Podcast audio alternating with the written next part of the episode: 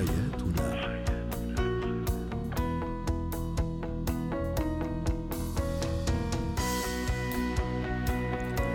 مستمعينا الكرام أهلا بكم معنا إلى برنامج حياتنا برنامجكم اليومي الذي يعنى بشؤون الأسرة وباقي الشؤون الحياتية الأخرى.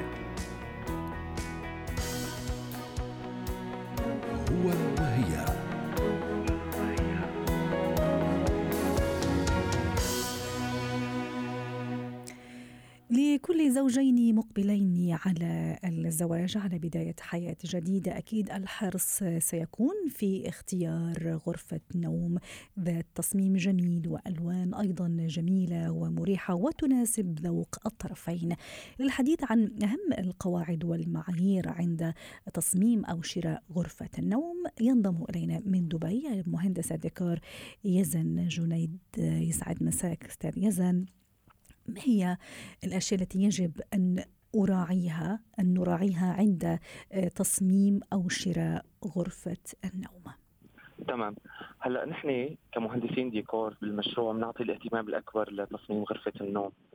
آه ومثلا بال design أول إذا كان كلاسيكي أو modern.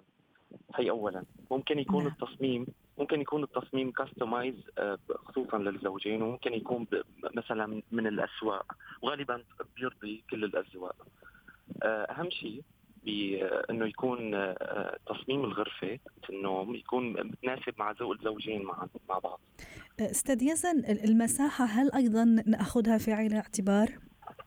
هلأ هلأ نحن حسب حسب المساحة الموجودة عندنا نحن بنخدم نحن شو بدنا نشتغل فيها. بس هو أهم شيء ممكن يكون هو إذا بدنا نحكي عنهم كقواعد هن الألوان. فنحن لما بنختار مثلا الألوان لغرفة النوم مبدئيا لازم تكون الألوان soft لازم تكون ألوان مثلا مثل الأبيض حتى مو الأبيض الواضح اللي هو بيعمل off white شوي. تماما. فممكن نختار ال off white أو الألوان الداكنة. بس شو خصوصية هالألوان يعني ليش دايما يعني مهندسية الديكور لما نحكي على غرفة النوم آه، يعني تماما. يجنح الأمر لموضوع ال off white زي ما عم تحكي حضرتك أو الألوان الداكنة إيش يفرق؟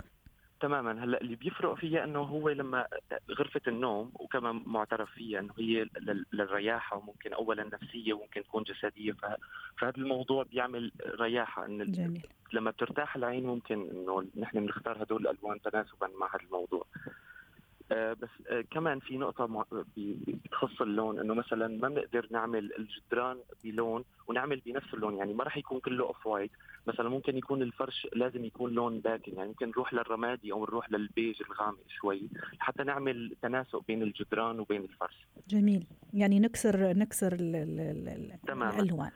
هلا القاعدة الثانية وهي الأهم إنه نحن دائما بغرفة النوم لما بنختار غرفة النوم لازم تكون حادة يعني.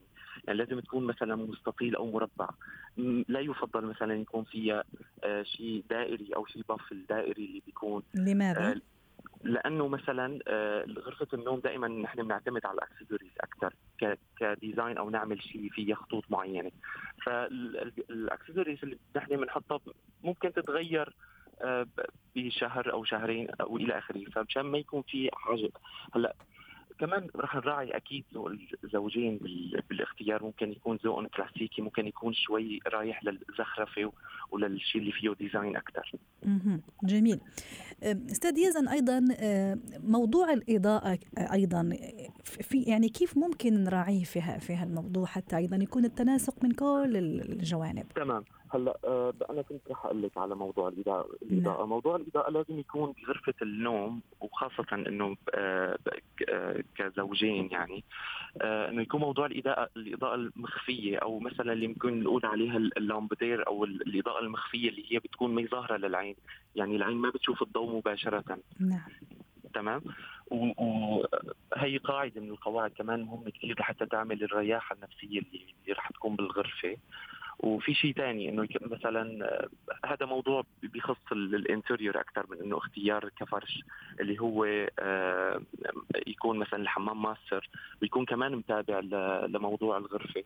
هذا الموضوع كلياته متعلق ببعضه من من فرش الغرفة لنروح للحمام يعني قصدك إذا كانت مثلا الغرفة طابع كلاسيكي نفس الشيء بالنسبة للحمام تبعها تماما. إذا كان الغرفة كلاسيكي لازم نعمل نحن تاتش بالحمام كلاسيكي لحتى نتبع الموضوع كله ممتاز. مع بعض. ممتاز أستاذ يزن موضوع الستائر أيضا أو البرادي آه، أيضا أنا أتصور إنه كمان مهمة هذه لما نيجي نختار الغرفة ونكملها بالإضاءة زي ما عم تحكي حضرتك. أكيد طبعا كيف يكون أكيد. التنسيق؟ التنسيق هو بنوع القماش وبالألوان اللي نحن اخترناها للفرش. يعني نحن هلأ آه، خلينا نقول مثلا أنا اخترت غرفة off white زي ما عم تحكي أستاذ يزن. إنه مثلا غرفة النوم اخترناها بنوع قماش آه، الفلان. نعم. آه الألوان اخترناها مثلا off white عملنا ال off white أو عملنا الرمادي وعندنا الجدران اللي هن الأبيض ال off white نحن بنختار القماش تابع لموضوع الفرش اللي هو ممكن نختاره رمادي لحتى نحن نعمل نعمل وصل بين بين الفراغ كله ومع المساحة لحتى نحن آه لما بصير في الألوان جانسي كلها مع بعضها المساحة هون آه، بتعمل طابع سيء أيوة على تبين. على على سيرة أو على ذكر المساحة موضوع المرايا آه، في في الغرفة هل أيضا هذا يعطي مساحة وهل ينصح فيها في غرفة النوم ولا لا؟